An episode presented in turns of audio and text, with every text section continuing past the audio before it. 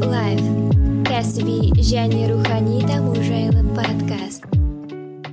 Ал ыыы бүгін біздің подкаст. Қонақта мағжан қайранбай осы машин learning дата сайенс осы сферада жұмыс істейтін біздің қазақ азамат. Мағжан сәлем қалайсың? Ә, баршаларыңызға сәлем. Ә, шүкір ә, бәрі жақсы. Ә, біз қазір екі қалада сөйлесіп отырмыз. Мен ыыы алма амстердам қаласынан ал ыыы мағжан куала лумпур қаласынан малайзия мемлекетінен. Жалпы мағжан өзіңді кішігірім былай таныстыра кетсең кім болып жұмыс істейсің қазір қайда тұрасың деген сияқты өзің жалпы ақпарат бере тұрсаң енді мен қазір осы соңғы мүмкін төрт жылдай малайзияда өмір сүріп жатырмын. Ыыы ең басты себебі ол ы, осы малайзияда машин ленинг бойынша ыыы оқыған едім. Осы жылы ә, бітірдім. Бітірдім деген кезде ыыы біраз бөлігін бітірдім. Енді тек қана қорғау барысы ғана қалды.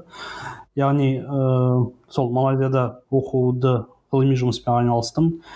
Ә, жалпы өзім машин ленинг оның ішінде көбінесе компьютер вижнға қатысты салаларда соңғы алты жыл жұмыс істеп келемін. Аха сонда әлі мынау PhD барысы уже бітті деп айтса болады иә оқуы? Иә бұл жерде енді ә, мүмкін ә, кейбір адамдарға қызық болатын шығар. Жалпы қазақстандағы PhD мен ә, малайзиядағы PhD-дің біраз айырмашылықтары өте көп. Егер қызық болса айтып бере аламын жалпы. Иә осы жалпы неден бастасақ деп ойлап отырмын. Осы жалпы оқу барысы жайлы. Яғни мен білсем сен IT университетте оқыдың бакалаврды кейін малайзияда оқыдың кейін қайтадан IT университетте оқыдың ә, кейін қайтадан малайзияға. Иә. Жалпы қазақстан мен мынау қазақстандық білім жүйесі мен малайзиялық білім жүйесінің жалпы айырмашылығын студентпен былайша айтқанда мұғалімнің немесе осы бір ерекшеліктерін айтып бере аласың ба жалпы? Менде иә бакалавр бойынша менде екі диплом бар. Біреуі осы қазақстанда алған екіншісі ол малайзияда алған. Магистратураны қазақстанда бітірдім ал PhD ә, малайзияда осы құдай қаласа бітіремін деп ойлаймын. Осы жылы яғни ә, undergraduate дейді яғни ә, бакалавр және постградуэйт ол ә, магистратура докторантура.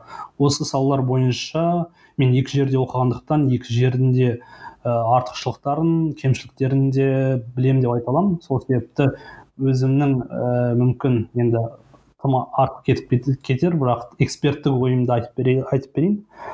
Ә, жалпы ә, бакалаврдан бастайық. Мен бакалаврда IT университетінде үш жыл оқыдым ал малайзияда бір жыл оқыдым.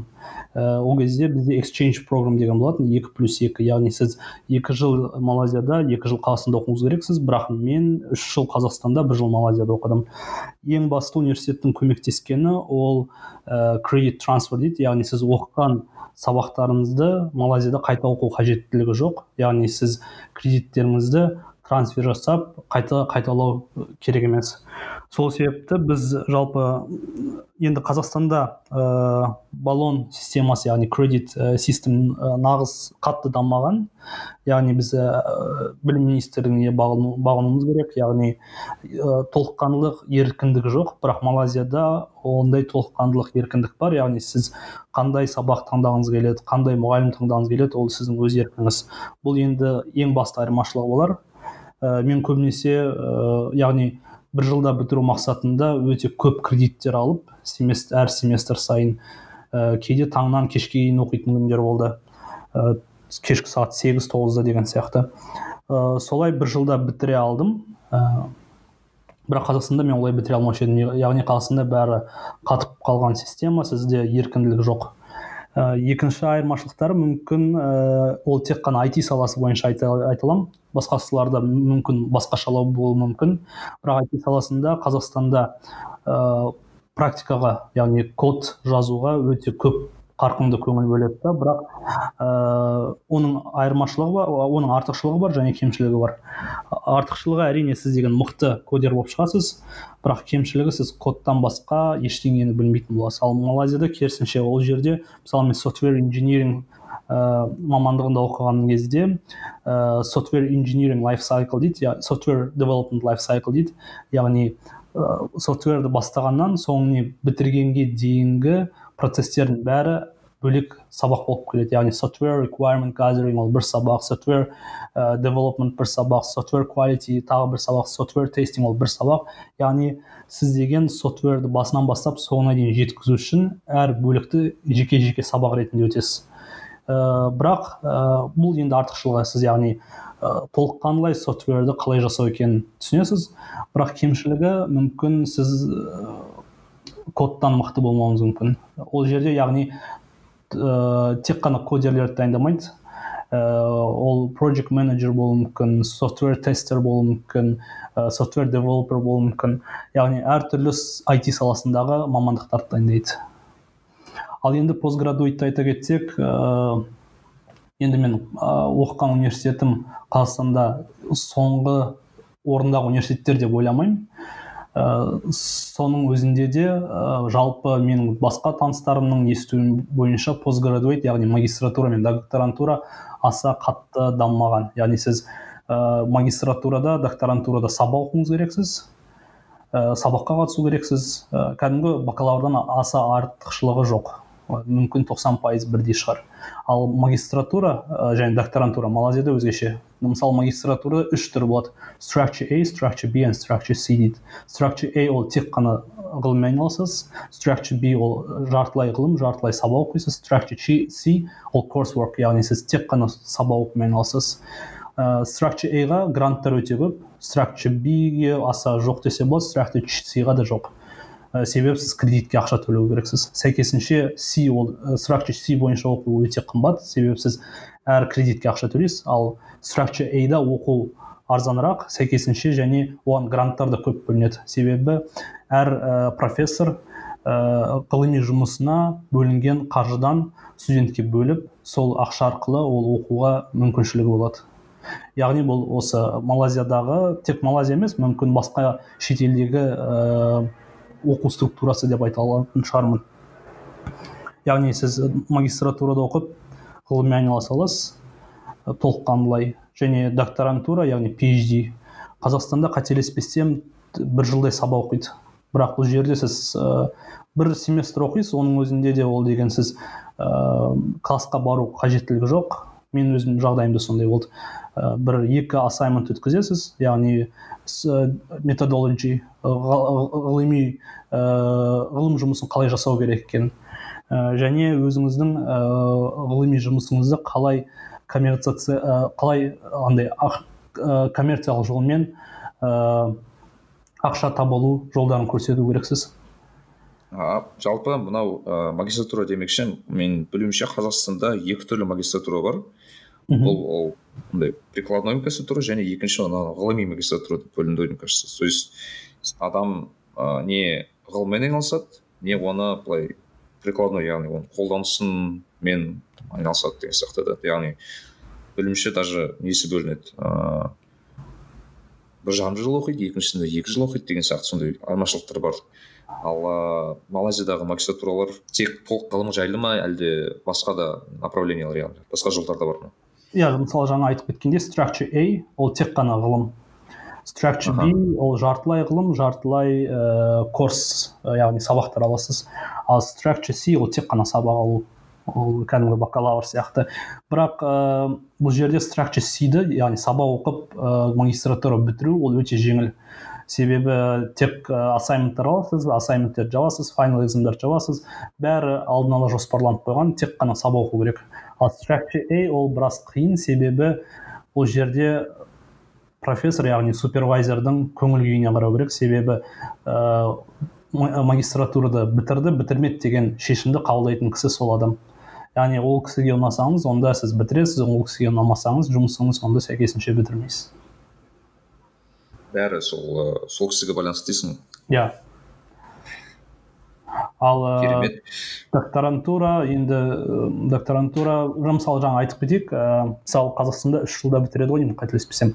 Бұл жерде сіз деген мысалы ә, қайтадан айтып кетсек ол супервайзердің көңіл күйіне байланысты. Егер оның көңілінен шықса онда ол ә, жарайды қорға деп айтады. Бұл жерде қорғаудың өзінің көп ә, қадамдары бар. Бірінші ол университеттің ішінде қорғау керек. Университеттің ішінен кішігірім комиссия құралады ә, оларды қорғағаннан кейін бір сағаттық қорғау болады. Олар шешім қабылдайды келесі қадамға өткізуге рұқсат беру бермеу.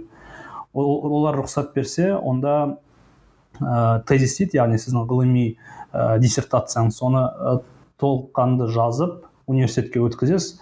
Университетке өткізгеннен кейін университет ә, сіздің супервайзеріңіз ол ә, сол сала бойынша дүние жүзінен эксперттер табу керек.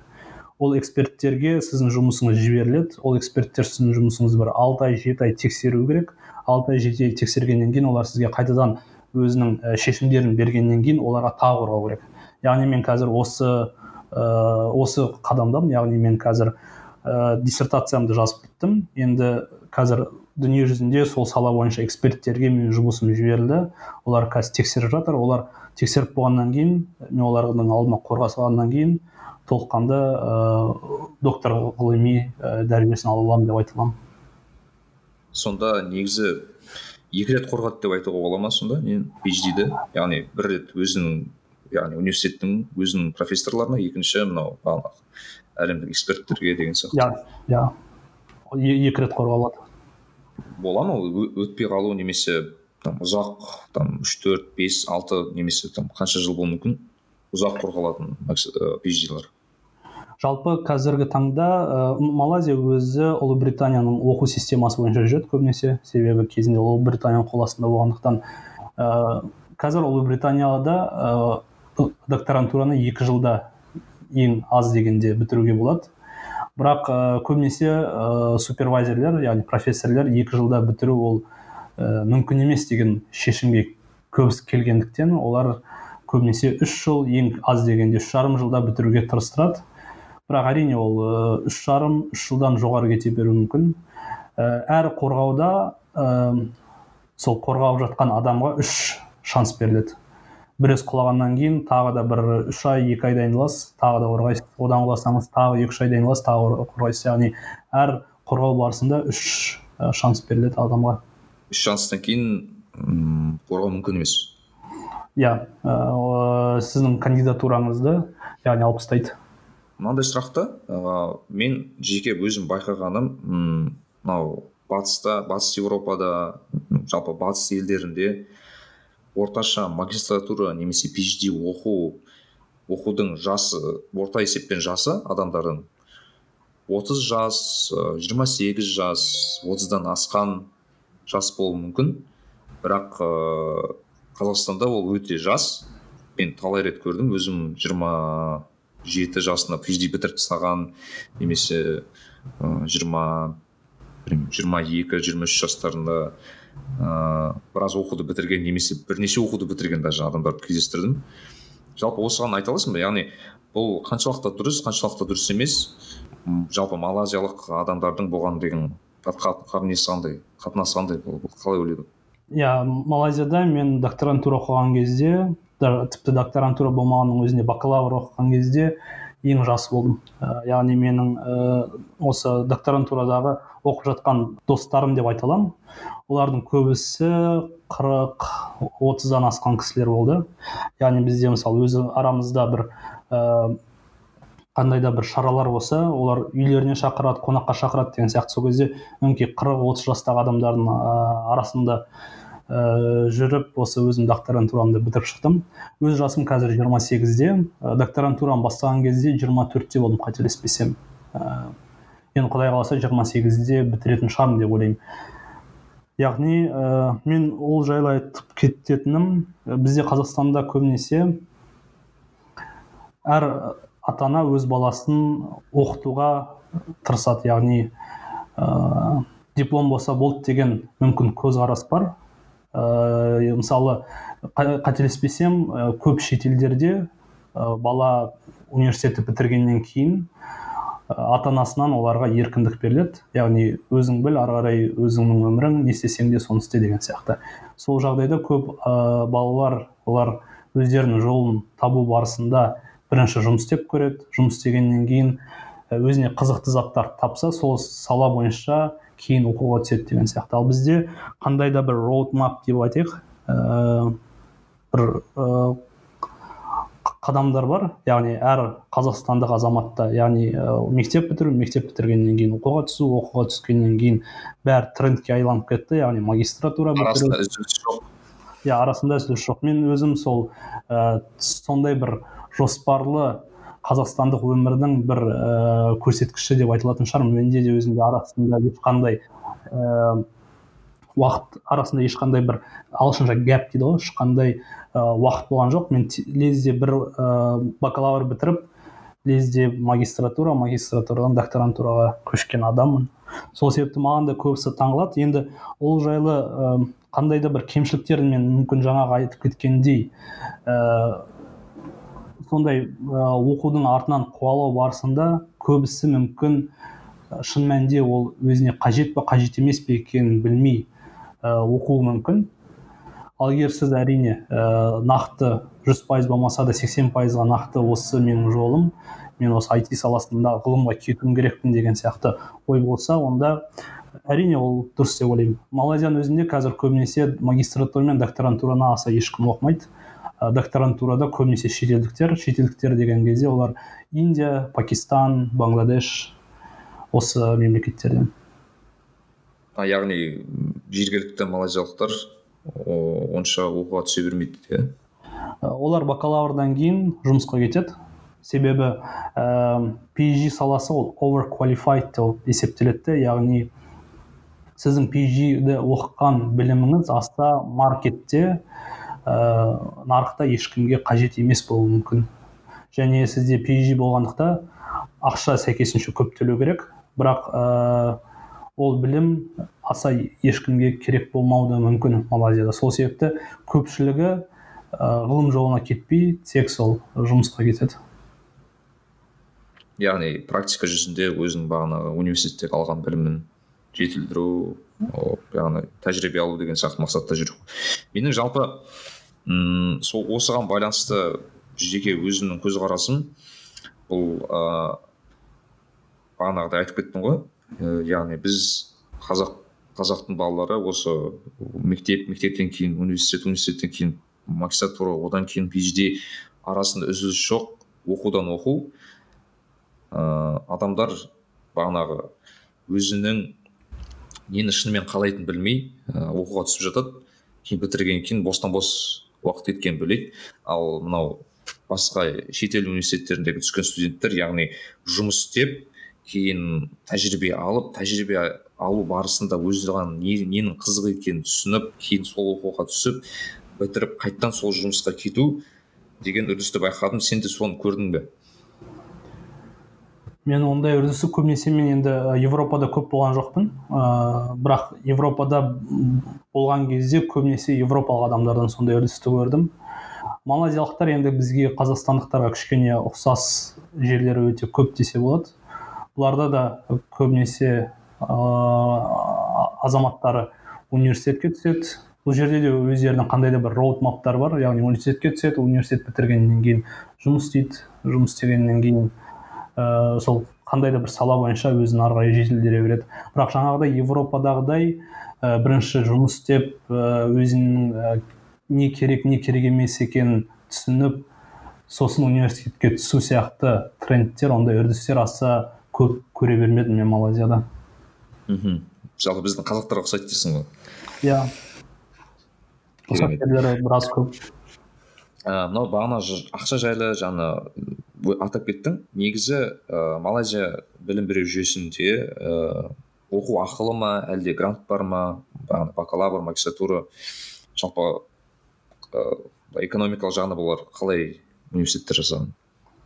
Университетте енді грантқа түсу ә, бакалаврда мен өзім көрдім кейбір қазақ азаматтары грантта оқығанын.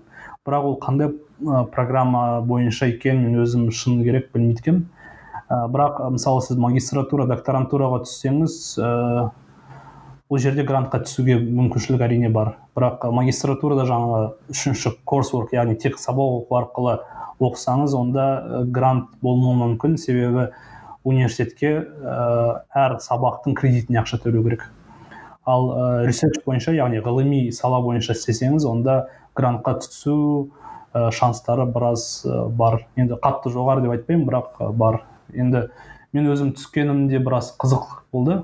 Мен енді айтып кетесің. Малайзияға түсу деген ой болған жоқ өзімде.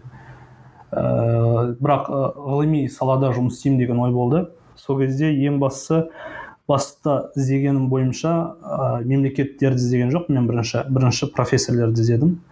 Ә, өзім сол университет бітірген кезде машин ленинг саласы бойынша бакалавр бітірген кезде машин ленинг бойынша жұмыс істеймін деп ойлағанмын.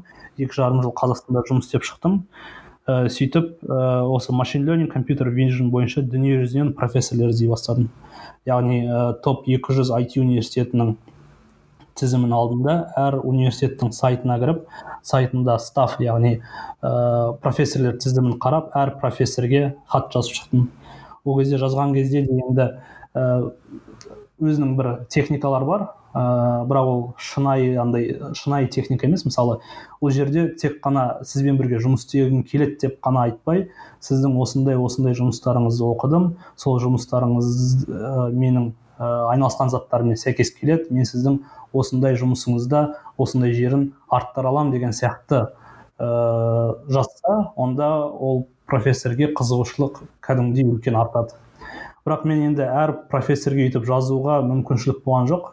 Мен бірақ соған ұқсас бір текст дайындап тек қана профессордың аты жөнін ғана өзгертетіндей бір текст дайындадым да сөйтіп сол 200 университеттің бәрінде әр университеттің сайтына кіріп әр сайтында өзіме қатысы бар профессорлерге хат жазып шықтым. Сол кезде мен бір 500-дей профессорге хат жазып шыққан шығармын. 500 500 хат. иә күнде 500 хаттың қанша уақыт кетті осының бәріне үш ай кеткен шығар үш ай ма екі жарым ай ма күнде өзім ә, өзімнің бір нем болады тізімім болатын. Тізімнен әр хат жазған сайын өшіріп отыратынмын. Ә, әр күн сайын бір отыз минут па бір сағат кетіретінмін. Тек қана хат жазуға хатты жіберуге сол және профессорлерді табуға. Сөйтіп ал мынау несі конверсия қандай болды? Жалпы мысалы 500 хат жазылды оның ішіне қаншасы жауап берді деген сияқты оның ішіне қаншасы қызықты деген сияқты. Қандай конверсия болды? елуі ә, жауап берді. Он ақ процент. Иә жауап берді деген кезде ол позитивті немесе негативті емес жалпы жауап берді. Елудің қырығы бізде қазір ондай ондай салада докторанттарды қабылдалмаймыз деген сияқты негативті жауаптар болды қырығы оны ә, жарайды жұмыс істеуге болады деген сияқты сарында жауап берді. Бірақ онының тоғызы бізде саған беретін ақша грант жоқ деген сияқты жауап берді. Ондай кезде сізге мысалы офер беріп тұрған кезде ол оферді болашаққа көрсетіп болашақ сізді ә, финанс тұрғысынан қаржыландыра алу мүмкіншілігі болды. Бірақ мен өзімді ә, біреуге тәуелді сезінгім келмей байланғың келмеді ғой иә олай олай барған жоқпын да. Бірақ тоғызының біреуі яғни осы малайзиядағы университет ә, мүмкін ә, бізде бір грант бар соған көресің деген сияқты ұсыныс тапсырды. Мен жарайды деп көрдім. Ә, ең бастысы сіз профессорге ұнау керексіз. Егер профессор сізді толыққанды ұнатса ол барынша сізді университетке грант алуға ә, барлық қолынан келген затты істейді. Енді мен профессорге ұнаған сияқтымын. Ол біраз маған көмектесіп сол грантты ұтып алуға көмектесті егер профессорге ұнасаңыз онда мүмкін елу пайыздан жоғары ә, шанс бар шығар деп ойлаймын өзім. Аса қиын болған жоқ. Бір бір үш төрт интервью болды. Ә, профессордың өзімен болды университеттегі басты ә, head of department дейді. Сол ә, head of departmentтермен болды. Ә, аса қиын болған жоқ жалпы тек қана көбінесе ә, жалпылама сұрақтар қояды. Сөйтіп ә, грантқа түстім. Гранттың ә, жалпы үш жүз отыз мың теңге береді ай, ай, ай сайын. Ол ақша бір адамға өмір сүруге өте өте көп деп айтпаймын бірақ екі жүз мыңға екі жүз мыңға өзіңізге аса ештеңкеге қиналмай өмір сүрсеңіз болады. Жалпы мен түсінгенім бойынша бес жүз ыыы бағанағы бес жүз хаттың ішінде сонда біреуінде ғана ыыы бағанағы грантты болды жұмыста болды профессор қызықты да сонда? Иә. Бес жүзден біреуі. Мәссаған. Сонда жүз бүтін нөл бүтін қанша мыңнан екі процент. Қанша yeah. Иә. сондай конверсия ұсынды негізі. төрт жүз тоқсан тоғызы яғни аса қызықпады деген ойдамын мен енді дүниежүзінің барлығына жіберген шығармын америкадан басқа. Себебі америкада ә, докторантура жеті сегіз жылға кетуі мүмкін. Өзімді ұзақ уақыт ә, тек ғылымға арнағым келмеді. Бразилияға да жібердім перу өңкей латын америкасының мемлекеттеріне жібердім. Енді африкаға жіберген жоқпын. Қалған европа қай университет негізі не деп есептеледі? Ыыы ең жоғары осы мамандық бойынша машин лернинг бағанағы. Әрине IT саласы бойынша ә, америка ә, номер бір дүниежүзі бойынша. Ол жерде кішкене қазақстандық ә, системаға мүмкін ұқсайды. Бірақ ә, уақыт жағынан ә, өте көп. Яғни қазақстанда сіз бір жыл сабақ оқысаңыз америкада қателеспесем екі үш жыл сабақ оқисыз ғой деймін. Екі үш жылдан кейін ғана бірақ ғылыммен айналысасыз. Ал ұлыбританиялық система ол барынша қысқартылған тіпті екі жылда бітіруге мүмкіншілік бар. Мхм. Жалпы көп естіп жатамын осы британдық білім жүйесі мен американдық білім жүйесі өте былай бір бірінен айырмашылығы көп. Мысалы яғни бағанағы айт, айтқандай ә, америкада өте ұзақ оқиды. Ә, британдықтар қысқартуға тырысады. Ә, яғни магистратуралар да сондай бір өз өзара бір ә, әртүрлі артықшылықтар кемшіліктер бар өздерінің. Иә енді мен америкалық оқу системасын аса ішкі дүниесін ішкі ішкі дүниесін аса білмеймін. Себебі америкада мен ешқашан болып көрмеген тек қана достарымның айту бойынша ғана бағалай аламын.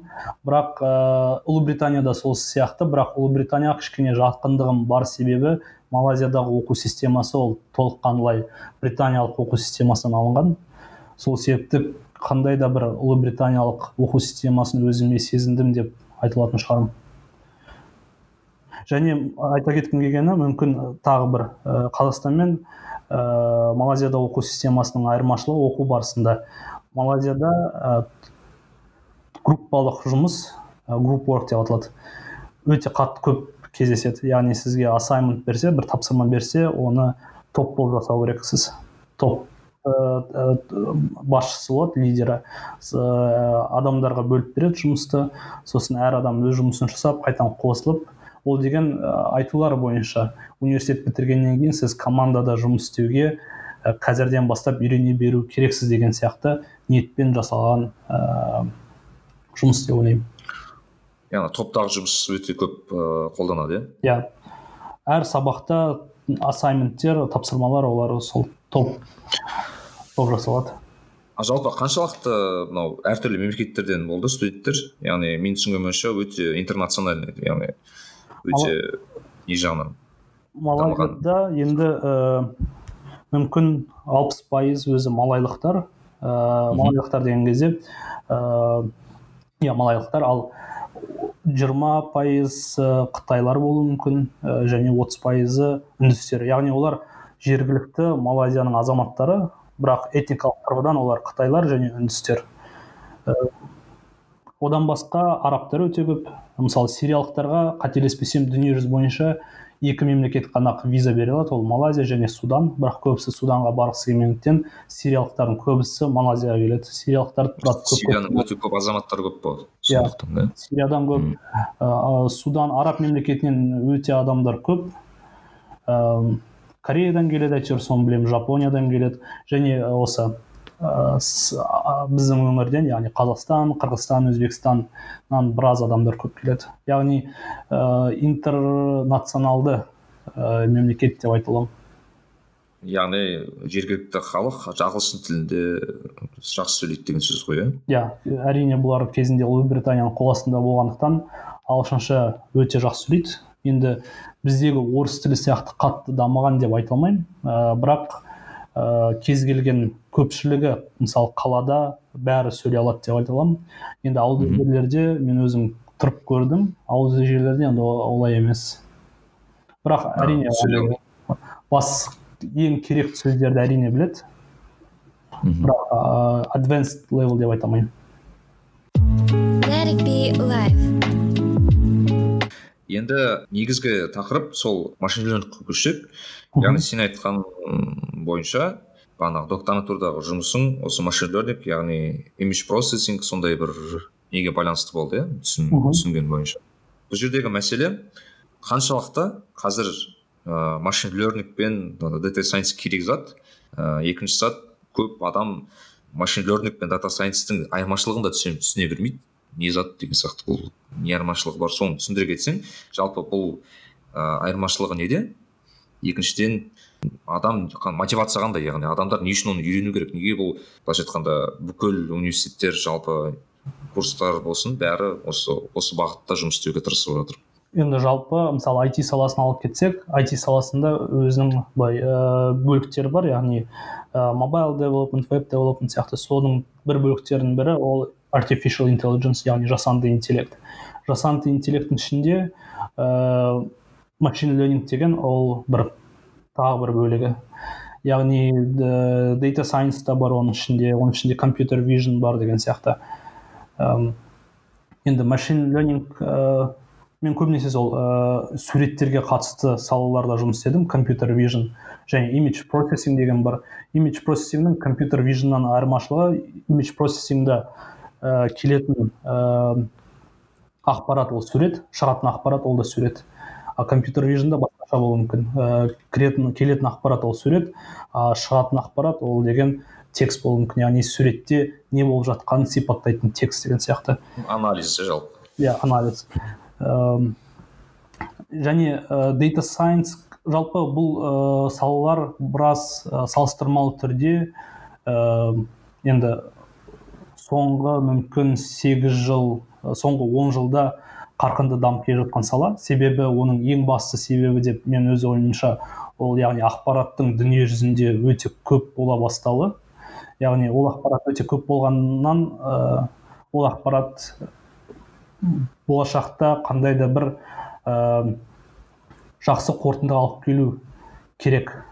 Яғни ол жай жата беретін ақпарат емес ол ақпаратты анализ жасап оның ішінде қандай да бір пайдалы ә, тағы бір ақпараттар тауып яғни ары қарай бизнесті қарқынды дамытуға мүмкіншілік бере алатын жағдай болу керек.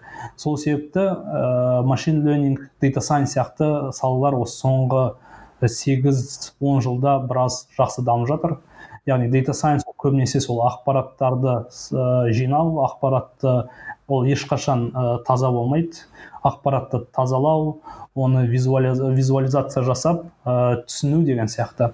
Және ол ақпаратты сіз ә, тазалап дұрыс дайын түрге әкелгеннен кейін сіз көбінесе оны машин ленингке бересіз де машин ленинг ол ақпараттан қандай да бір адамның көзіне көрінбейтін паттерндарды түсініп сол паттерндер арқылы бизнесті ары қарай қарқынды түрде дамытуға өзінің септігін тигізу керек. Ә, мысалы netflix ала кетсек ә, netflixтер ә, қандай да бір жылдары өздерінің recommendation system яғни ә, сізге ұсыныс қай киноны көру керек деген ұсыныс системасын арттыру үшін біраз ақша бөлген. Бірақ сол системаны ә, жасау барысында олар өздерінің бизнесін кәдімгідей үлкен ә, үлкен қаржы таба алды сол машин ленинг ә, системалар арқылы. Қазіргі таңда өте барлық дүние жүзіндегі үлкен компаниялар оның ішінде осы facebook болсын microsoft болсын google болсын олардың барлық кішігірім системалардың бәрінде машин ленинг модельдері бар. Және олар сол системаның тез жұмыс істеу алдын ала юзер юзердің не керек қандай ә, ниетпен келгенін түсіну үшін және сәйкесінше соған керек сервисті ұсыну үшін арналады. Және де мен ойымша болашақта барлық системалар веб сервис болсын мобайл аппликейшндер болсын барлығында ә, машин ленинг элементтері болады деп ойлаймын осы алдыңғы бір мүмкін 5-6 жылда тіпті он жылда шығар мүмкін. Ең менің ойымша керек. Мысал ол мысалы фейсбук немесе инстаграмдағы біздің лентамыз. Олар қазір байқағанымыздай сізге жақын адам біле ұнатады деген заттарды ғана береді бастайды. Немесе бағанағы контекстный реклама бағанағы адамның несін түсінетін бәрі осы жерде қолданады. Жалпы мотивация жағын түсіндік. Енді бұны бастау жағына келсек яғни көп естіп жатамыз ә, қалай бастаймын неден бастаймын не тілді білу керек деген сияқты. Ең бірінші қозғайтын мәселе ә, курстар жайлы айтады яғни курсера дасити яндекстің несі болса қазір школа анализа данных деген шат деген университет жайлы айтады. Жалпы бұл курстардан бастау керек пе? Немесе университеттегі курстардан бастау керек пе? Қалай бастаған? Дұрыс. Енді мен мүмкін нақты бір формуласын айтып бере алмайтын шығармын. Мүмкін ондай нақты формула да жоқ шығар деп те ойлаймын. Әр адам әртүрлі жолмен келеді деп ойлаймын. Мен енді тек қана өзімнің қалай ә, сол жолға келгенімді сипаттап бере аламын. Жалпы мен университетте бізде оқыған кезде ә, қандай да бір салаларға бөлген ә, яғни біреуі тек қана нетворкпен айналысады біреуі artificial intelligence яғни жасанды интеллектпен айналысады деген сияқты. Университет барысында мен сол жасанды интеллект саласын таңдап сол сала бойынша кішкене оқи бастадым. Бірақ ә, университет маған көп бере алды деп айта алмаймын жалпы. Ә, менің сол салаға кеткен себебімнің бір себебі мүмкін мен математикадан жақсы болғандықтан шығар. Яғни жасанды интеллект оның базасы фундаменті ол математика. Математика біраз өте көп. Яғни жасанды интеллекттердің бәрі математикалық формулалар математикалық модельдер арқылы құралған. Сол мен математикадан өзім біраз жақсы болғандықтан маған мүмкін жеңіл болған шығар деп ойлаймын. Және де мен сол жолды таңдаған себебім де ең басты себебі сол болды деп ойлаймын. Сосын мен әйтеуір өзім көптеген курстар көрдім деп айта алмаймын. Бірақ мысалы ә, юдаситиден бір екі үш екі үш курс қарадым. Ә, стэнфордтың курсы маған өте көп көмек тигізді деп айта аламын. Стэнфордтың CS екі жүз отыз бір деген қателеспесем курсы бар. Олар дүние жүзінде ең атақты курстардың бірі болып кетті деп айта аламын. Ә, машин ленинг саласы бойынша. Ә, стэнфордта кішігірім бір топ бар. Имиджинет деген жарысты ұйымдастыратын. Сол топтар өзінің курстарын интернетке сала бастады. Өздерінің материалдарын да. Ол курстың қазіргі жасаған адамдарының бірі теслада head of artificial intelligence яғни машин ленинг саласының бастығы болып келеді. Қателеспесем орыс кісі ғой деймін. Соның курсы маған өте көп көмек тигізді. Яғни мен курстарды да оқи бастадым. Және қосымша мен сол салада жұмыс іздеп сол салада жұмыс істедім. Яғни теоретикалық тұрғыдан білім алдым және практикалық тұрғыдан сол оқыған заттарымды қолдануға мүмкіншілік болды. Сол себепті менде екі жолда да білімдер ала бастадым. Және де әрине ол сол салада менторлер іздедім. Менторлердің көмектері де біраз көмегі тигізді. Сөйтіп жалпы қаншалықты мүмкін деп ойлайсың мысалы адам қазақтың баласы отырып ә, интернетті ашып бағанағы CS 231 немесе басқа да курстарды ашып бастап кету мүмкін бе? Әлде бағанағы ментор керек ә, орта керек ә, практика керек деген сияқты жұмыс тұрып жұмысқа тұрып көру керек сондай зат па әлде? Енді мен өз ойымша мүмкін үш басты пререквизит дейді ғой. Яғни үш басты зат керек болуы мүмкін. Оның екеуі мүмкін өте мындай нақты пререквизит бірақ біреуі аса қатты мықты болмауы мүмкін. Ең бастысы ол сіздің әрине линейр алгебра яғни линейлік алгебраны жақсы білуіңіз керексіз. Яғни ол математика саласы математиканың ішінде линейр алгебра probability яғни ықтималдылық теориясын жақсы білуіңіз керексіз.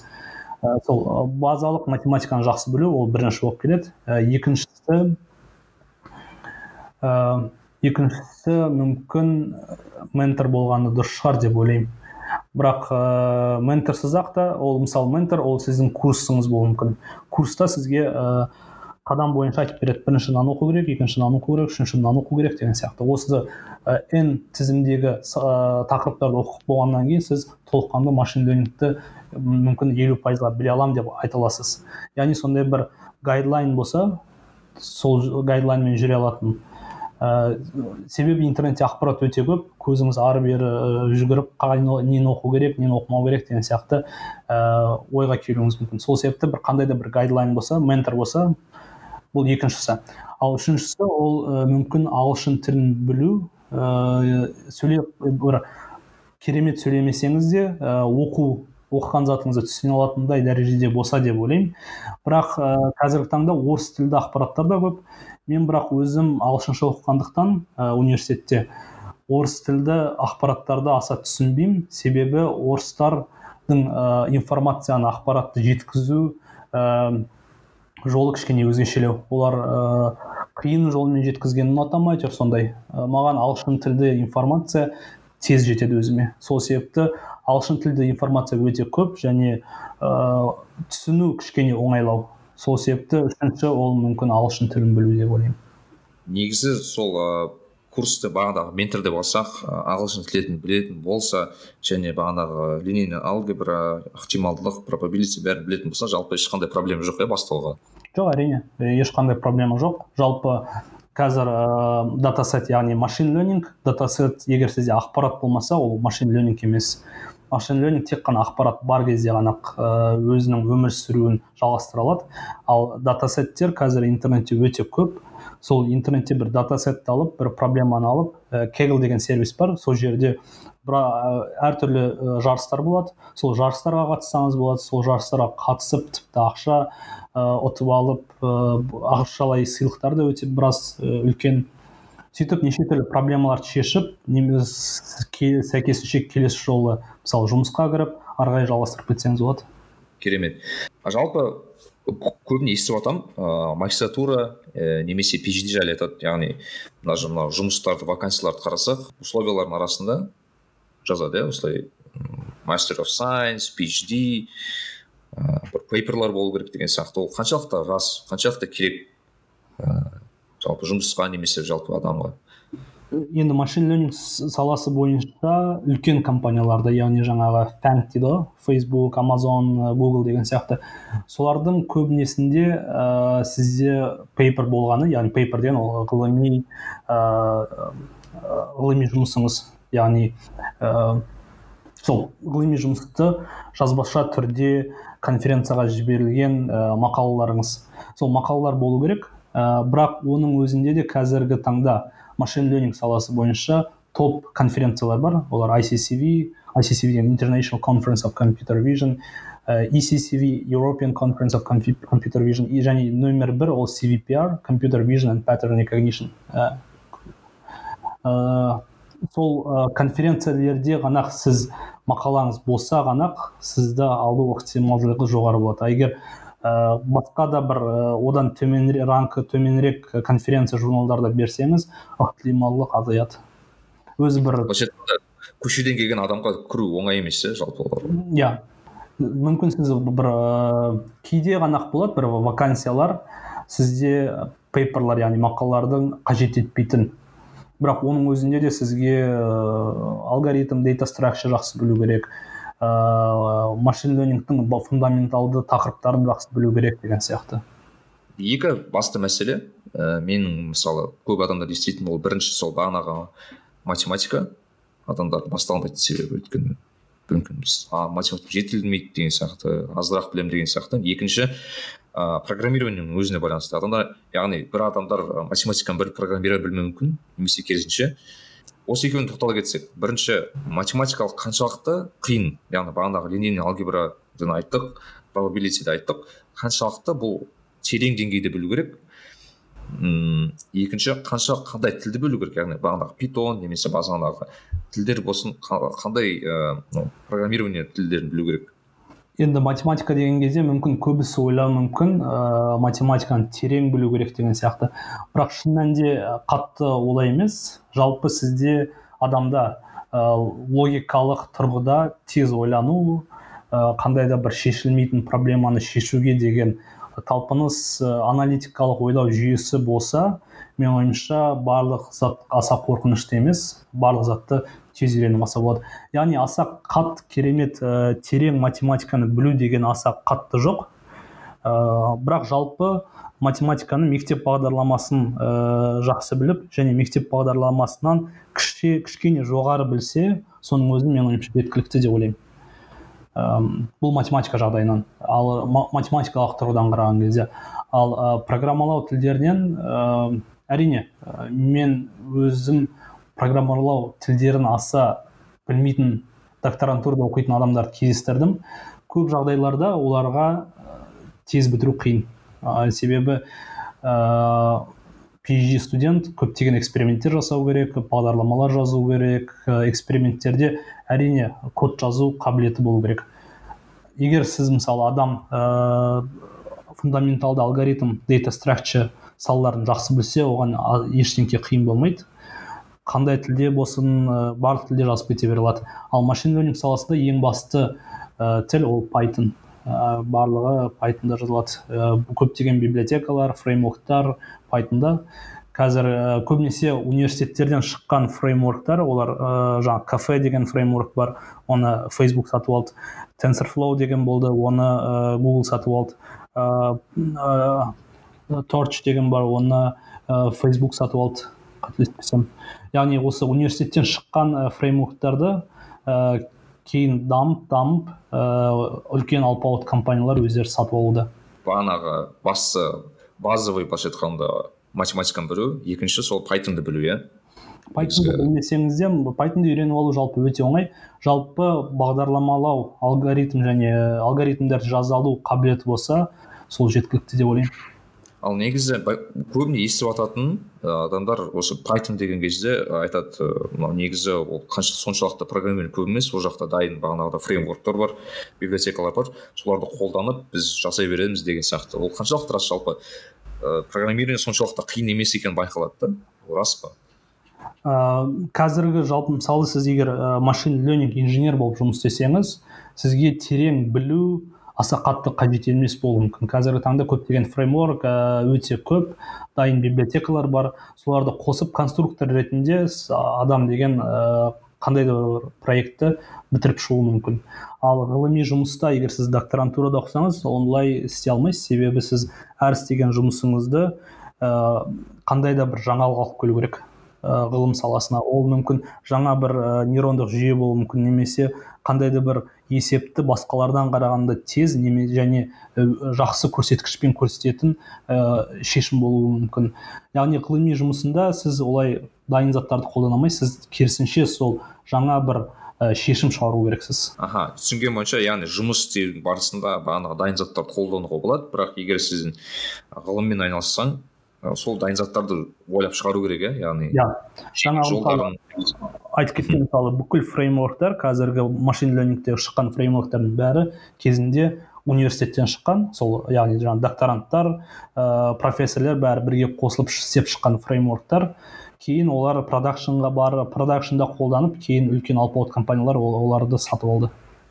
Енді мына жағынан бастасақ ә, яғни біз мынау ә, үйрену жағын айттық иә енді жұмыс жағын айтсақ яғни м мен көп байқайтыным ә, қазір кез келген осы жұмыс нарығында ә, батыс болсын шығыс болсын машин learning дата сайенс вакансиялар өте көп. Және ә, көп адамдар өте өтпей жатады. Яғни жазады өте қиын немесе phd жоқ магистратура керек екен тағы да басқа. Жалпы осы жұмыс жайлы айта кетсек яғни қаншалықты жұмыс көп неге оның жұмыстығы көп немесе аздығы? Екіншіден сол интервью процесін айта кетсек яғни қандай этаптар болады адам қалай өтеді қалай тапсырады қалай дайындалады деген сияқты осы мәселелерге тоқталып өтсек.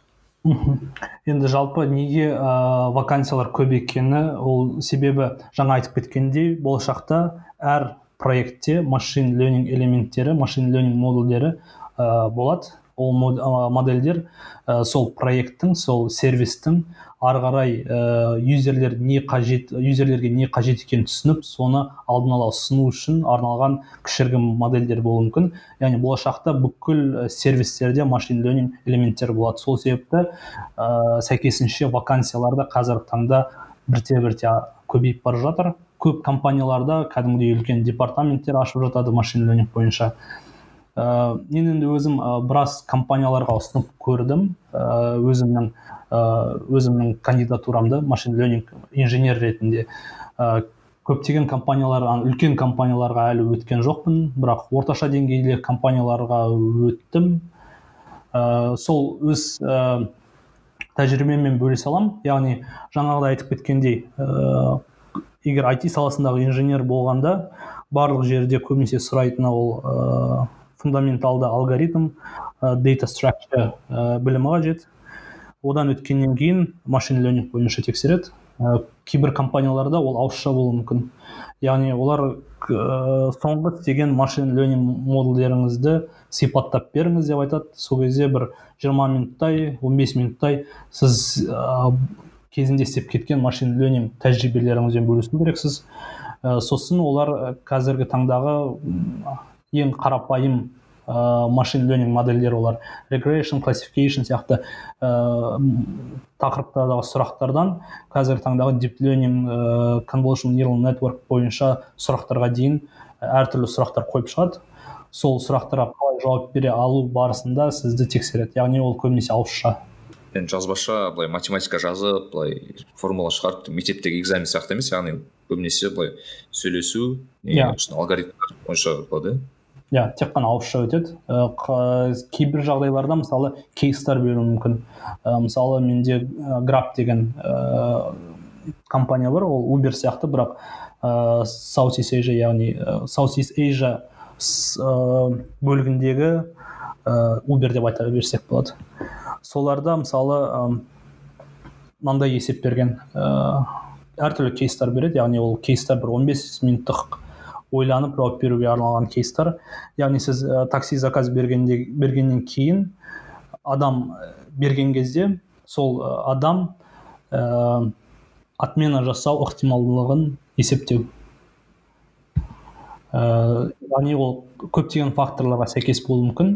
Ә, соны сіз сипаттап беруіңіз беру керексіз. Ә, қалай ықтималдығын есептеп шығасыз? Ол қандай ә, факторларға сәйкес? Жалпы математикалық моделі қалай болады? Ә, ол ықтималдықты қалай есептеп шығасыз деген сияқты. Керемет. Ал мынау не жағын айта қалсақ ыыы дайындалу жағын айтсақ яғни бір кітап немесе сайттар бар ма? Неден дайындалу бойынша? Немесе бағанағы каглдан дайындала ма? Әйтеуір мысалы менің білуімше мысалы программирование бойынша лид-код деген сияқты сайттар бар. Мхм.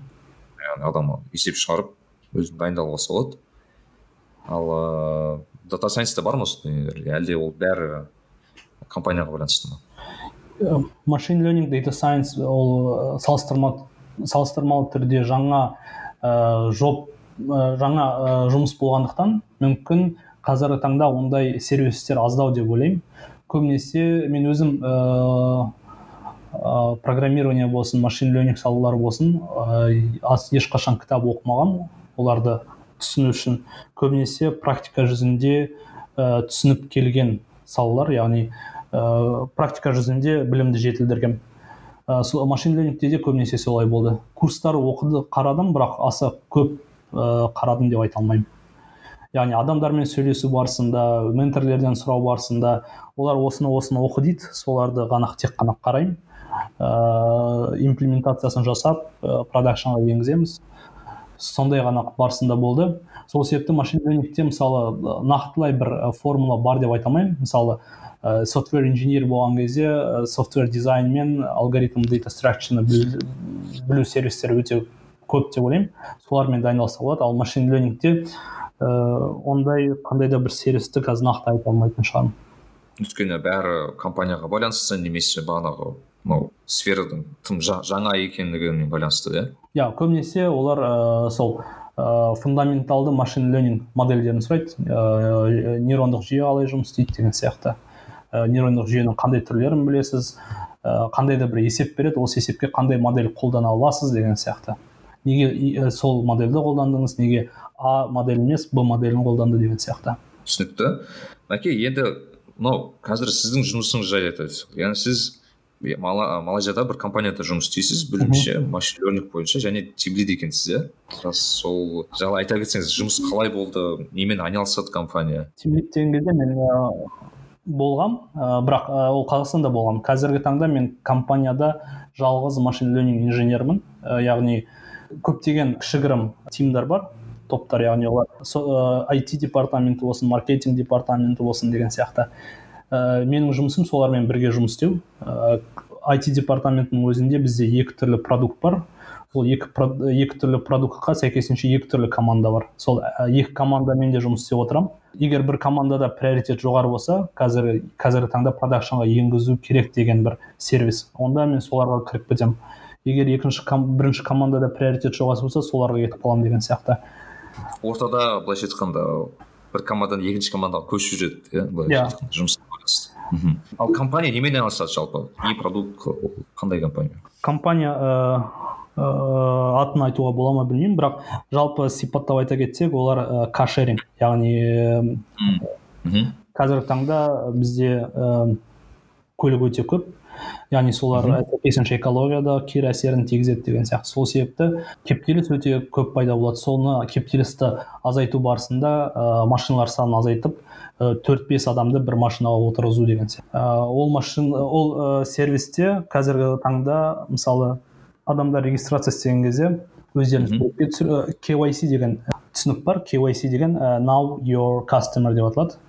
Яғни Мгм. ә, сіздің кастомеріңіз кім екенін түсіну керек. Яғни олар өздерін суретке түсіреді өздерінің ә, identity картын суретке түсіреді ә, жүргізу куәлігін су- суретке түсіреді. Сол яғни үш документті сіз өткізесіз. Ә, бізде компанияда бір жүздеген адам отырады қателеспесем. Сол жүздеген адам сол ә, проблемаларды шешумен яғни куәлік жеке куәлігіңіздегі номерді базада анықтаған кезде жеке ә, верификацияның бәрін қолмен жасалады. Бірақ менің қазір ең басты жұмысым соның бәрін автоматтандыру. Яғни ә, түсірген ә, жүргізу куәлігіндегі кәдімгі өзіңнің жеке куәлігіңіздегі және селфидағы адам бәрі бір ма бір болса ә, сол жеке куәліктегі номерді бөліп шығарып бәрін автоматты түрде регистрация жасау. Ол ең бірінші тапсырма. Бірақ ондай тапсырмалар бізде өте көп. Ә, себебі мен келмей тұрып барлығы қолмен жасалатын ол заттардың бәрі адами факторлар өте көп болады. Енді қазіргі таңда менің жұмысым соның бәрін автоматтандыру. Жалпы осы цифровизация яғни бағанағы адамдық факторларды азайтып адамдық тексерулерден азайтып бағанағы алгоритмдар немесе осы машин learning сол бағанағы құжаттарды тексеріп сол адамның немесе ол адам емес екендігін тексеру алгоритмдары ғой жалпы иә. Және де мысалы саппортқа бізге өте көп хат келеді. Сол хаттарды мысалы ә, frequently asked question дейді ғой жиі сұралатын сұрақтар. Солардың мысалы контентін түсініп ә, яғни ол жерде бір қандай да бір бот болып немесе чат болып чат бот сияқты ә, жиі сұр- сұралатын сұрақтарға лезде жауап беру деген сияқты. Жалпы қазіргі таңда информация өте көп текстті түрде информация сол саппортқа келетін с- информация өте көп. Ә, машинаға адам отырмай тұрып машинаны суретке түсіру керек төрт сегіз жерден қателеспесем. Сол жерде машинада қандай да бір сыртқы ақаулар бар екенін түсіну ә, машинаның нөмірін ә, табу деген сияқты. Яғни визуалды информация да өте көп. Бірақ қазіргі таңдағы кемшілігі ол ә, бізде мысалы ол ақпараттардың бәрі қандай да бір нормалды формаға келмеген. Қазіргі таңда мен оның бәрін өзім атқарып жатырмын. Яғни нормалды формаға келтіру аннотация жасау деген сияқты. Ә, сол өте көп уақыт алады. Ә, әрине мен енді басшылықтан сұрағам. Мысалы мүмкін ә, тәжірибеге яғни ағылшынша интерншип дейді. Интерндерді алсақ деген сияқты. Яғни ол IT саласында кішкене қара жұмыс болып есептеледі. Сол қара жұмысты тәжірибе азайту ал өзім тек қана кішкене интеллектуалды жұмыстарға көбірек көңіл бөлсе деген сияқты. Бірақ қазір мен өзім жалғыз болғандықтан бүкіл жұмысты яғни а адан бастап z-қа дейін бәрін өзім істеп шығу керекпін. Ыыы один в поле воин дейсіз ғой. Иә. Негізі былай қазіргі малайзиядан кетіп былай қазақстанға келсек қаншалықты м, біздің мемлекет жалпы бағанағы машин технологияларын қолдана алады немесе қолданбай жатыр деп ойлайсың. Себебі қазір мысалы ыыы бағанағы сергек деген технология енгізілді яғни камералардан машине көліктерін былай штрафтарды бәрін жазады. Мхм. Және де мынау мемлекетте ақпараттық яғни прокуратура болсын сот болсын бүкіл документтерді электронды форматта жазады. Яғни менің байқауымша ыыы ақпарат өте көп бірақ ол ақпарат ешқандай бір өңделіп жатқан жоқ секілді маған көрінеді. Және бұл жерде бізге былайша айтқанда бағанағы гэп сияқты яғни біз ыыы өзі қолданбай жатқан өте көп мүмкіндіктер бар секілді. Жалпы не ойлайсыз осы осы осыған байланысты? Енді мысалы ә, текстті информацияны ала кетсек ә, сурет жарайды. Суретте мүмкін біз қандай да бір ә, қолданбалар істеуіміз мүмкін. Өйткені адамның түрі барлық сурет дүние жүзінде бәрі бірдей. Бірақ текст информацияда бізде және спич адамның дауысы сөйлеу деген сияқты ол жерде мүмкін қандай да бір қиыншылықтар болуы мүмкін. Қазір егер ағылшын тілінде айтыла кетсек ағылшын тілінде бізде машин ленинг модельдер өте көп өйткені дүниежүзінің бәрі ағылшын тілінде істейді. Орыс тілінде кішкене аздау себебі орыс тіліне тек қана орыстар ғана көңіл бөледі ал қазақ тілінде тіпті аз. Қазақ тілінде ә, машин ленинг саласындағы эксперттер саны аз болғандықтан сәйкесінше ондай модельдер тіпті аз деп айта аламын ә, және де қазақ тілінде ақпараттар цифралық ақпараттар ә, тіпті аз деп айта аламын ал жаңа жоғарыда айтып кеткендей ақпарат жоқ болса машин ленинг сәйкесінше жоқ болады. Ә, және де екінші бір фактор мүмкін B2C саласын алсақ. Ә, бізде халық ә, мүмкін әлі ә, машин ленинг проекттеріне мүмкін әлі менталды тұрғыда дайын емес шығар деген ой келеді өзімде. Ол ой тек қана ой емес ол практикалық тұрғыда дәлелденген өзімнің ә, тәжірибемде болған ә, тәжірибелер. Яғни біз кезінде біраз ә, машин ленинг ә, проектілерін нарыққа енгізуге тырыстық. Бірақ көбінесе халық менталды тұрғыда оған дайын болмағандықтан біз жақсы көрсеткіш көрсете алмадық. бірақ ол әрине ә, біздің жақсы көрсеткіш көрсете алмауымыздың ең басты себебі емес бірақ қандай да бір кішігірім себептердің бірі. Мемлекеттің өзінде дайын емес дейсің ғой. Яғни біріншіден ақпарат аз екіншіден халық дайын емес үшіншіден мүмкін компаниялардың өздері дайын емес мүмкін иә иә. Ә, компаниялар деген кезде мысалы компаниялардың басшылықтарына түсіндіру барысы біраз ұзақ уақыт алады. Оларға шын мәнінде сіздің қолыңыздағы ақпарат сіздің болашағыңызға үлкен септігін тигізе алу процесін түсіндірудің өзі біраз уақыт кетеді. Мен өзім жалпы жақында ойланып көрдім да негізі біздің бағанағы машин лернинг технологияларын енгізу мемлекеттік өте көп нелеріне көмек, көмек тиеді деп ойлаймын. Мысалы ең оңай түрі мысалы біздің қазақстан темір жолы сияқты компаниялар.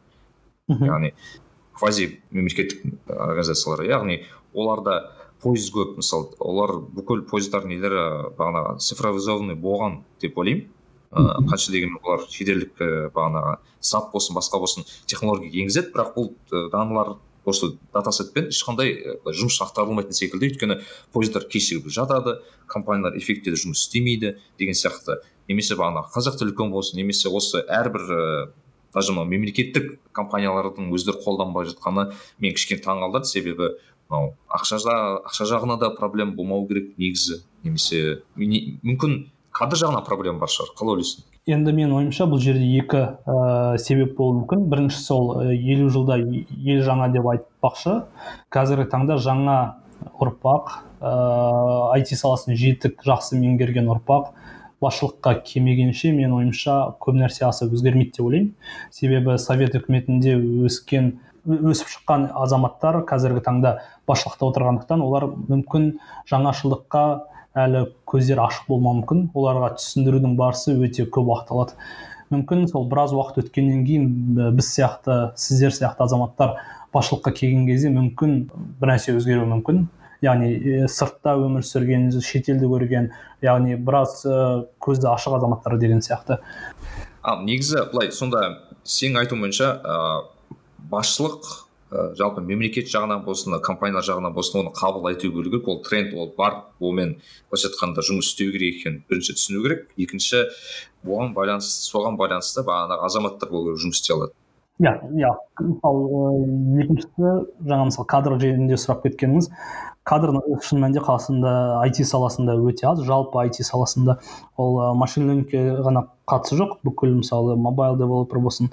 Иә сол мен мысалы өзім тим лид болып жұмыс істеген кезде ә, команда құру керек болды. Сол кезде ә, команда құрудың біраз қиыншылығын өзім көрдім. Яғни машин ленинг саласы бойынша эксперт болмасын және бастапқы көбінесе бізде джуниор машин ленинг адамдар бар. Бірақ ә, мидл синьорлар табу біраз қиын. Себебі мүмкін ә, шетелге кеткен қазақтар көп шығар. Мысалы жұмыс таппай немесе иә. қолданыс таппай. Мысалы мен өзім машин лернингті таңдаған кезде маған ә, көбісі айтқан қазақстанда сен ә, ол салада жұмыс таба алмайсың. Ә, яғни оқыған біліміңнің бәрі қазақстанда қолданысқа ие болмайды деп. Ә, менде өз ойым болды егер ондай жұмыс жоқ болса неге өзім ашпасқа деген сияқты сондай жұмыстарды. Бірақ мен ә, докторантураны бітіргенше машин ленинг біраз бірте бірте қазақстанға да жетті. Қазақстанда жаңа жұмыстар ашыла бастады. Яғни жұмыс табу ә, салыстырмалы түрде яғни қарапайым софтвер инженерге қарағанда мүмкін төрт есе қиын шығар үш есе төрт есе вакансиялар саны. Ә, бірақ ол мүмкін жалпы. Бірақ дүниежүзіндегідей емес. Менің ойымша үш төрт есе аз болса да конкуренция жоғары емес секілді. Өйткені ол мамандар да өте аз секілді маған. Иә иә мамандар да өте аз. Өйткені менің жеке ойым былайша айтқанда софтвер инженері болу ол көбіне практиканың мәселесі яғни жазып көріп жұмыс істеп көру. Ал машин кішкене басқашалау бұл жерде кішкене ыыы бағанағы математика немесе бағанағы практика жағынан кішкене оңай дүние емес. Себебі әрбір компания бағанағы немесе мемлекет саған былайша айтқанда дата сетін бере салмайды. Мхм оңайлықпен иә және де машин лернингте жергі қандай да бір уақыт адам деген ә, көбінесе конференс пейперлер және де журнал пейперлерді мақалаларды жиі оқып тұру керек. Яғни қазіргі таңда ғылыми салада машин ленинг бойынша қандай жаңа ә, алгоритмдер шығып жатқанын ә, біліп жүру керек машин ленинг бойынша себебі. Жаңа алдында айтып кеткендей ә, дүниежүзіндегі мықты университеттер олар ә, профессорлер ә, докторлар олар жаңа бір жаңалықтарды көбінесе ашқыш машин ленинг саласы бойынша. Солардан ашып ол ыыы продакшнда яғни өндірісте өзінің жақсы көрсеткісін көрсеткеннен кейін ғана олар қандай да бір библиотека фреймворк немесе бір проект болып шығады. Сол себепті ә, әрқашан сол жаңа мықты конференция журналдардан шығатын мақалаларды жиі оқып тұру керек. Жалпы өзін дамыту тоқтатпай бір орында отырмай ә, дамып отыру керек иә? Иә. Мына мәселеге тоқтала кетсек қазір көптеген ә, машин лернинг ә, саласында көптеген трендтер бар. Яғни келешекте қолдану сфералары немесе келешекте осы дами, дамиды ау деген мынау былайша айтқанда направление дейді ғой. Сол жақтар бар иә мысалы. Қазір білмеймін мен қолданбай жатқан сфера жоқ секілді. Жалпы осы салада қандай трендтер бар келешек қандай трендтер бар және қандай келешек ә, бізге жалпы қазақстан мемлекет ретінде немесе осы бағанағы осымен айналысып жүрген адамдар ретінде көретін мүмкіндіктер. Қай жаққа бару керек? Қай жаққа жылжу керек? Қай жақты көз салу керек деген сияқты. Енді жалпы жасанды интеллектте неше түрлі бағыттар бар. Ә, мен өзім сол компьютер вижнда яғни ә, визуалды ақпараттармен жұмыс істеуге көп көңіл бөлгем оның ішінде сол визуалды бар ақпарат бар текст түріндегі ақпараттар бар ә, аудио ақпараттар бар. Ә, қазіргі таңда әрине ең басты ә, дүниежүзіндегі ең көп кездесетін ақпарат ол текст ақпараты және визуалды ақпарат. Яғни аудио ақпаратқа қарағанда осы екі түрлі ақпарат көп кездеседі. Ә, менің ойымша қазақстанда жетіспейтіні мүмкін егер ол текстті ақпарат болса ең бірінші ақпараттар санын көбейту. Ә, мысалы қазір дүние жүзінде ең көп ең мықты ә, жасанды интеллект бойынша ол америка мен қытай. Бірақ ә, қытай мүмкін кішкене алдыда шығар. Себебі қытайда ақпарат өте көп. Қытайда халық саны өте көп. Әр адам қолында екі бір немесе екі үш смартфон болуы мүмкін. Ол смартфонмен адам күнделікті қанша ә, текст жазады қанша суретке түсіреді яғни өте қарқынды түрде ақпарат ә, өте көп. Ә, машин саласында екі фактор бар яғни біріншісі ақпарат көп болса екіншісі ол алгоритм. Ақпарат бойынша қытай озып отырса америкалар олар көбінесе алгоритм бойынша креативті болып келеді. Енді америкада неше түрлі дүниежүзінің мықты эксперттерін жинағандықтан олар алгоритм бойынша мықты алгоритмдер шығарады. Мхм. Сол жалпы америка ол жақта көш бастап тұр иә бұл бұл осы салада. Иә қазіргі таңда сол қытай мен америка бірақ қытайда ә, үкімет ә, тұрғысынан қараған кезде ә, кәдімгідей біраз ә, ақшалай қаржылай ә, көмектер көп ә, жасанды интеллектке. Бірақ мен осы осы трендті ойлап отырып ә, дұрыс емес жағы да бар ма деп ойлаймын ойлаймын да қаншалықты дұрыс екенін білмеймін. Бірақ мысалы бағанағы қытай мемлекеті басшылығы бағана коммунистік партиясы бұл машинелерді қолданып мынау халықты басқару мәселесінде қолданатын секілді көрінеді. Мысалы бағанағы вичат болсын бағанағы ә, бағана камералар болсын біз көп көріп жатамыз интернетте болсын басқа жерде болсын.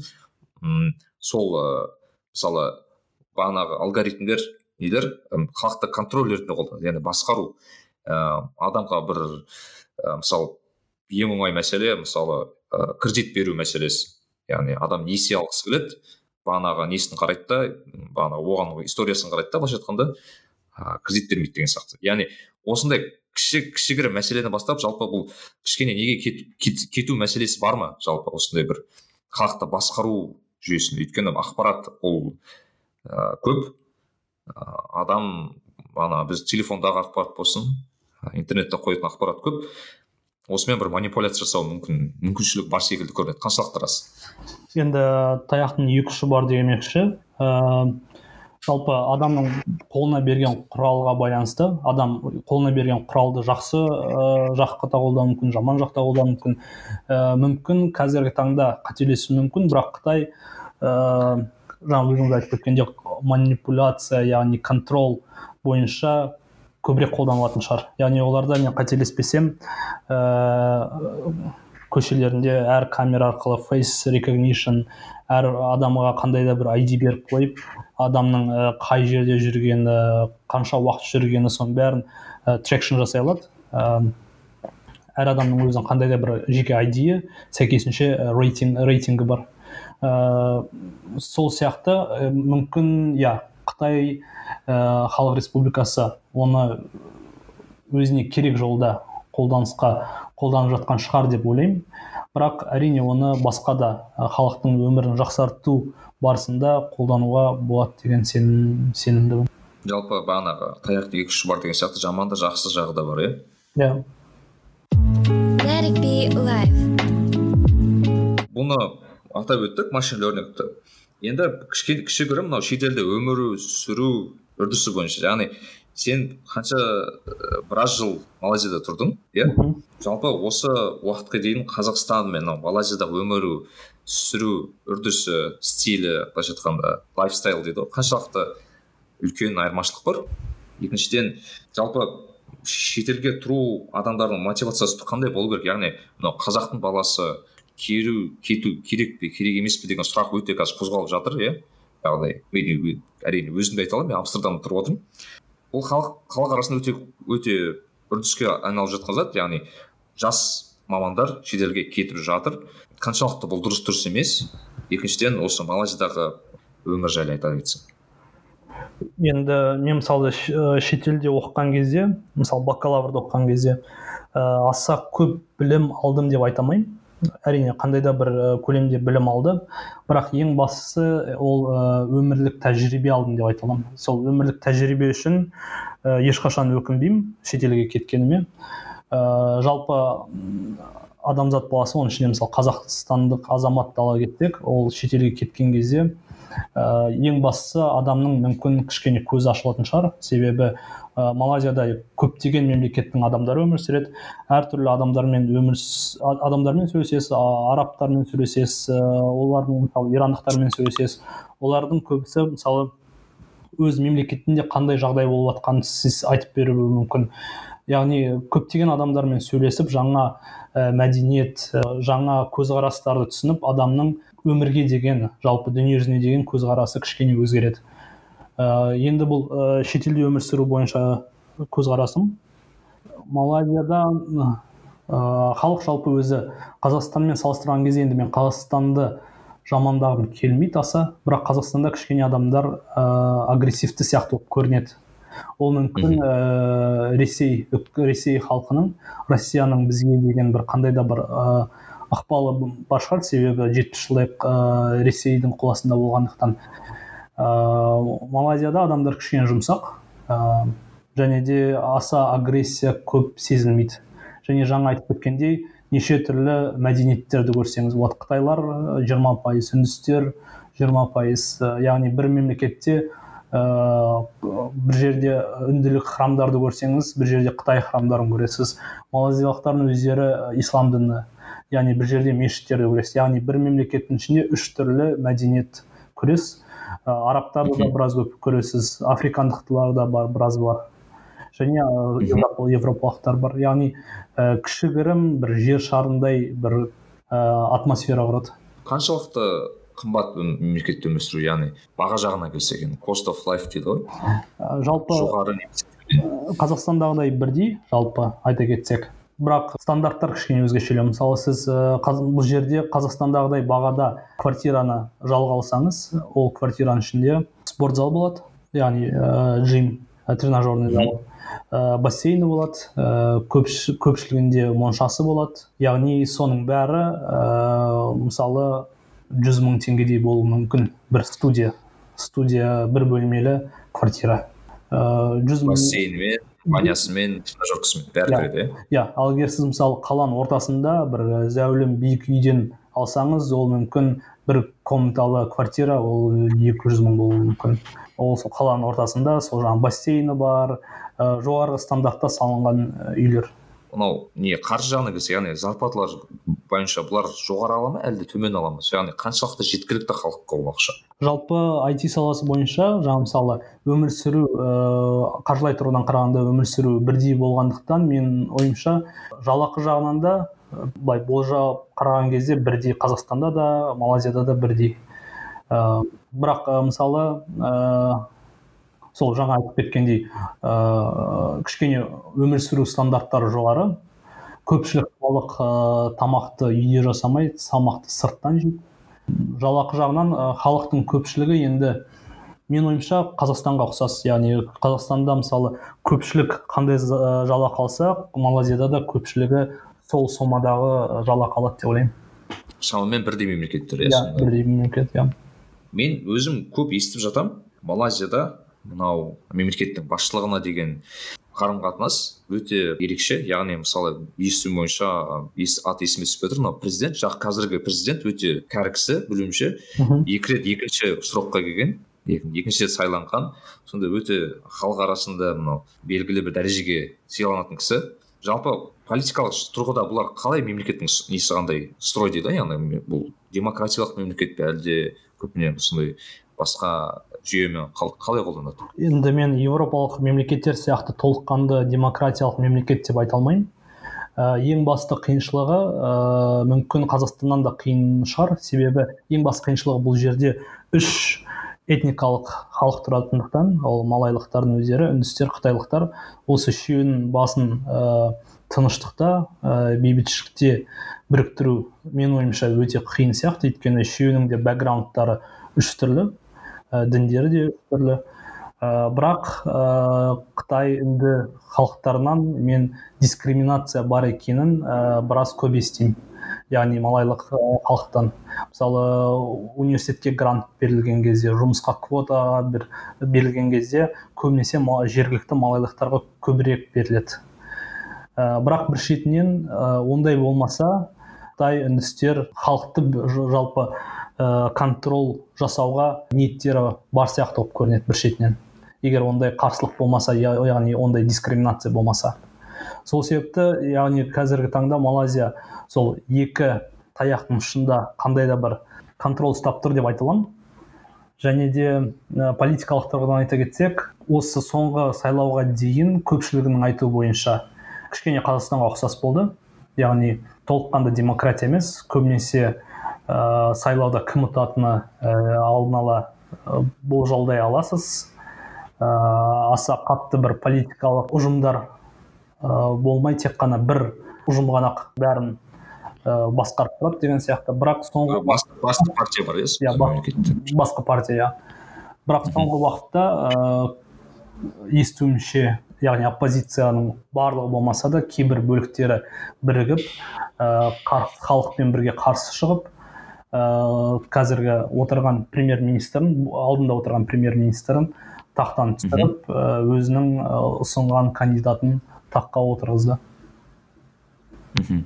Ол кісі жаңа екінші рет сайланып жатыр. Жасы тоқсан екі ма тоқсан бес па сондайда сонда ыыы бағанағы үш үш халық бар деп айттың иә сонда малай халқы бар ыыы қытайлар бар және үндістер бар. Сонда мемлекеттікте үш тіл бар ма сонда?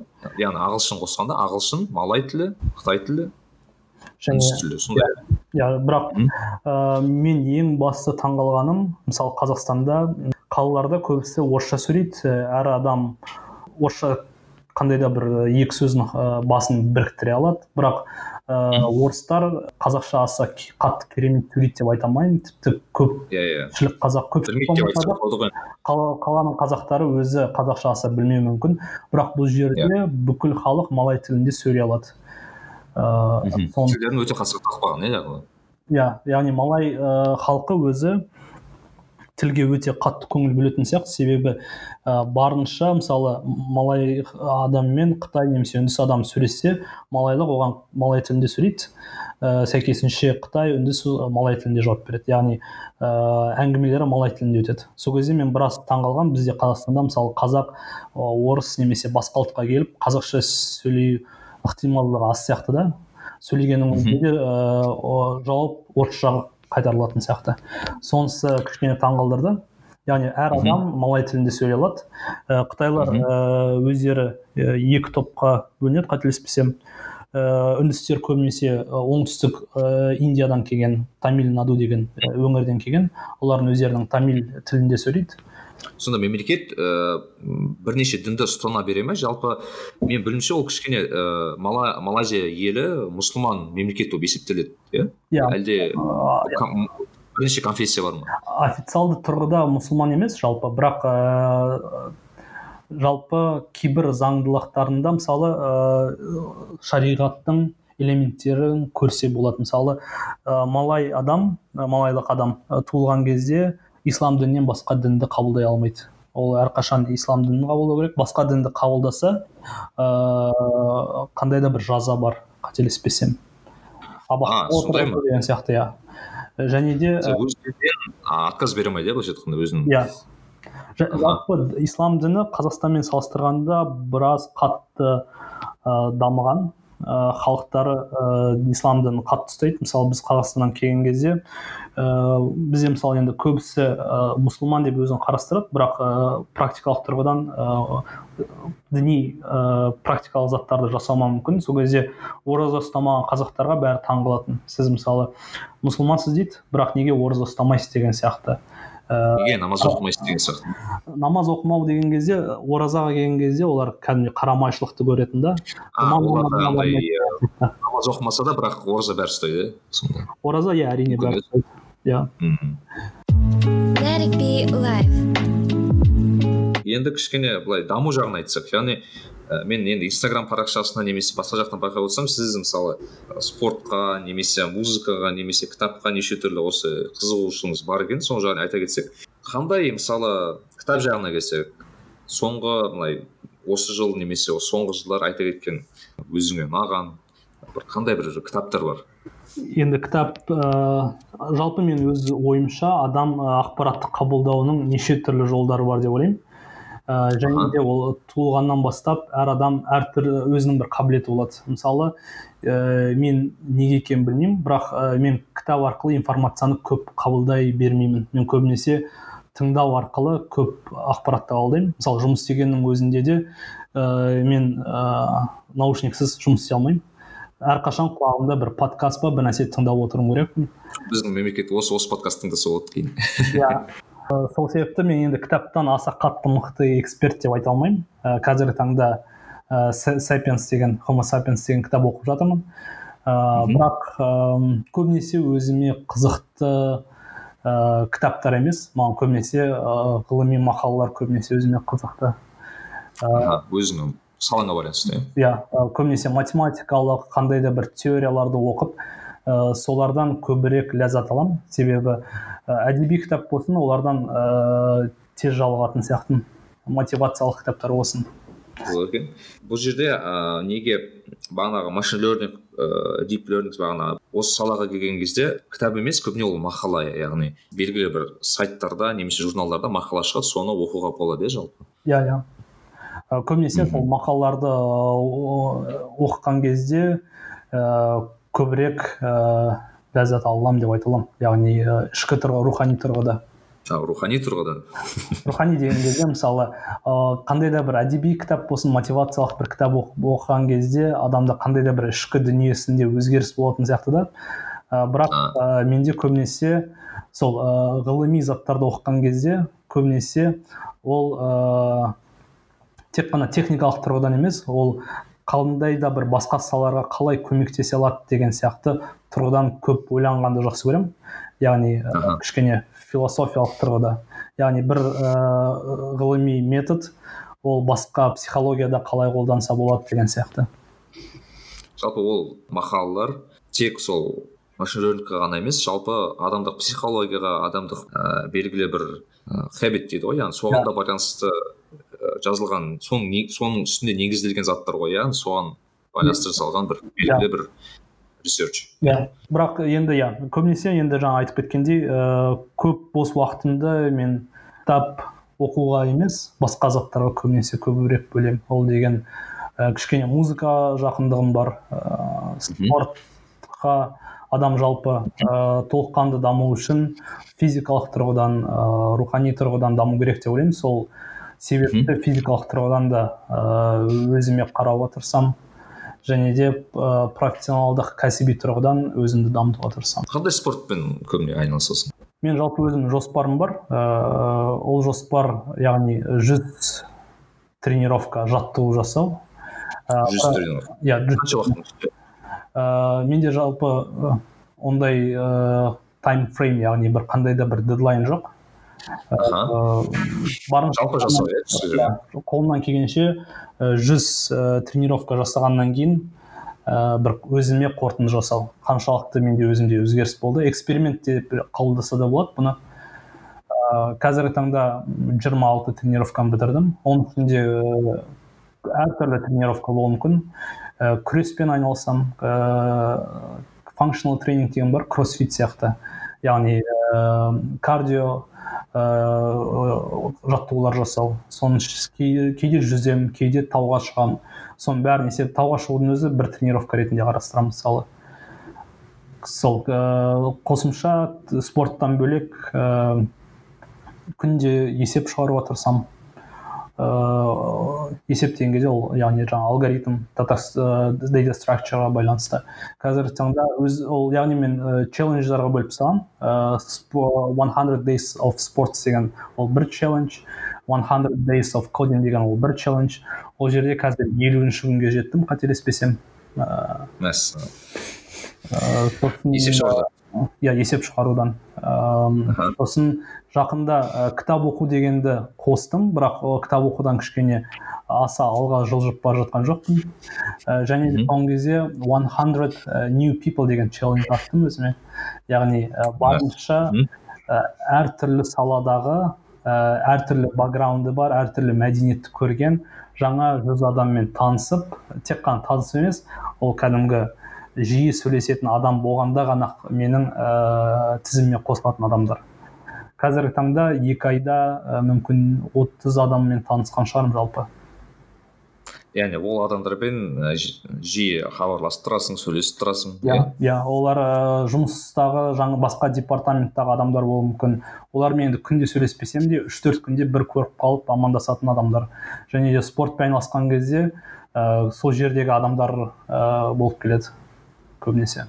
Ол былай ыыы қаншалықты өмір өзгерді деп айта аласың осы уақытқа дейін? Енді осы бір ай болсын екі ай болсын осылай адамдармен танысып жүрген. Мен просто өзім байқаймын мынау ыыы көбіне інілеріме ыыы қарындастарыма айтамын адамдармен танысу керек адамдармен араласу керек. Ііі өзіңнің былайша айтқанда бағанағы шектеуді ортаңнан бола берме деген сияқты өзім осылай ыыы айтып тұрамын. Ал қаншалықты ол өзгертеді? Яғни адам жаңа адамдармен танысса менің ойымша ол жаңа былайша айтқанда мүмкіндіктерді көреді жаңа былайша айтқанда ең болмағанда жаңа адамның ыыы тәжірибесін көреді. Енді ойланып көреді. Сол жағынан қатты әсері болды ма саған? Енді мысалы қазақта айтып жатады ғой келін түскен кезде ененің қолы ұзарады деп. Сол сияқты сол аналогияны келтірсе болады. Мысалы адамда жаңа таныс пайда болса адамның қолы ұзаратын сияқты. Ә, көптеген жаңа мүмкіншіліктер ашылады. Ә, ондай мүмкіншіліктерді қарастырмағанның өзінде де жаңа бір адаммен сөйлескен кезде басқа бір мәдениеттен келген басқа бір көзқарасы бар. Ә, мысалы айтады ғой бізде ә, мысалы екі адам кездескен кезде мен оған менде бір алма ода бір алма болса екеуміз алмазымызбен ауыссақ екеумізде де бір алма қалады. Бірақ мысалы бір идея бар бір адамда екінші адамда бір идея бар. Екеуміз идеямызбен алмассақ екеумізде екі идея болады. Яғни win to win ә, сол сияқты жаңа адаммен танысқан кезде біз ә, сөйлесіп ақпарат алмасқан кезде екеумізде де жаңа бір ә, көзқарас жаңа бір өмірге деген ә, ой өрісіміз біраз артатын сияқты. Қазіргі таңда енді ә, ә, кәдімгідей үлкен бір өзгеріс көрдім деп айта алмаймын. Бірақ бір сезгенім мен өзім жалпы ұялшақ адам емеспін. Ә, кез келген адаммен сөйлесіп кете аламын. Бірақ ә, кейде өзімді мысалы тоқтататынмын. Қазір аса тоқтатпай кез келген адаммен емін еркін сөйлесіп кете ә, бере алатын кішкене кішкене болса да өзгеріс көрдім. Ә, сондай ғана өзгеріс. Бірақ жалпы әрине қызық ә, кезінде мысалы тек қана IT саласының адамдармен сөйлессем қазір ә, такси дағы жүргізушімен сөйлесіп кетті. Такси жүргізушінің өмірге деген көзқарасын мысалы соңғы кезде такси жүргізушімен біз ә, вегетарианец болу жайлы сөйлестік. Ә, өзіме бір қызық ә, философиялық тұрғыда ойларды алып ә, жаңа бір көзқарас пайда болды деп ойлаймын өзім вегетарианец болуға деген. Ыыы ет жемей қаз жемей ә, жалпы мен өзім эксперименттер жақсы көремін. Эксперименттер эксперимент неше түрлі челлендж деген сияқты. Ә, маған ең қызығы сол эксперименттердің результаты қорытындысы қалай болады деген. Мысалы жүз спорт деген кезде жүз спорттан кейін мен қандай өзгеріс көретінім маған ең қызықты. Сол жүз тренировка жасау ыыы маған сол результатты көру үшін жүз тренировка істеуге аса ерінбей істеп шыға алатын сияқтымын. Сол сияқты ә, мысалы вегетарианец болуға тек қана результат қандай өзгеріс болатынын көру үшін ә, ана бір өзімде ниет болуы мүмкін. Негізі бұл таза научный подходтың несі ғой иә? Яғни мен де осыған ну, келісемін жалпы адамдар көбіне сұрайды ыыы вегетарианец болу деген қызық қой немесе ыыы спортпен айналысу деген қиын ғой деген сияқты менің айтарым ол сен бірінші көруің керексің істеп yeah. көруің керексің. Егер саған жағымды бір әсері болса сен айналысуың керексің болмаса айналыспауың керексің деген сияқты. Тек практикада ғана қолдануға болады өйткені бұл басқашалай дәлде мүмкін емес сияқты көрінеді. Енді мен өзім мінезім кішкене сондай. Маған адамдар айтса ыыы мен көбінесе адамдар тыңдамай ә, адамдар тыңдамай өзім соны көрмегенше ойым өзгеруі кішкене қиындау да. Сол себепті мен көбінесе ә, соны істеуге тырысамын. Мысалы өзімде қандай да бір ой болса соны ә, дәлелдеп жеткізбегенше көрмегенше ойым өзгермеуі мүмкін. Мысалы спортта мысалы өзіме қызық жүз спорттан кейін мысалы қандай өзгеріс көре алатыным? Ә, соны көру үшін істеп бітпегенше ә, тынышталмайтын сияқтымын да. Мысалы ә, кодингта да мысалы ә, қазіргі таңда мен сегіз ай дайындалып жатқан дайындалып жатырмын. Сегіз ай емес тіпті он ай шығар. И қазіргі таңда мысалы он, он ай бұрынғы мағжан мен қазіргі мағжанды қарасам өзгеріс өте үлкен сияқты. Және мен бір сезгенім сіз өзгерісіңізді күнделікті жазып отыру керек екен. Күнделікті не істегеніңізді. Ә, сосын артқа қарай иә отчет. Артқа қарай қараған кезде ана отчетқа қараған кезде сіздің өзгерісіңізді кәдімгідей ә, қағаз жүзінде экран бетінде көре аласыз да?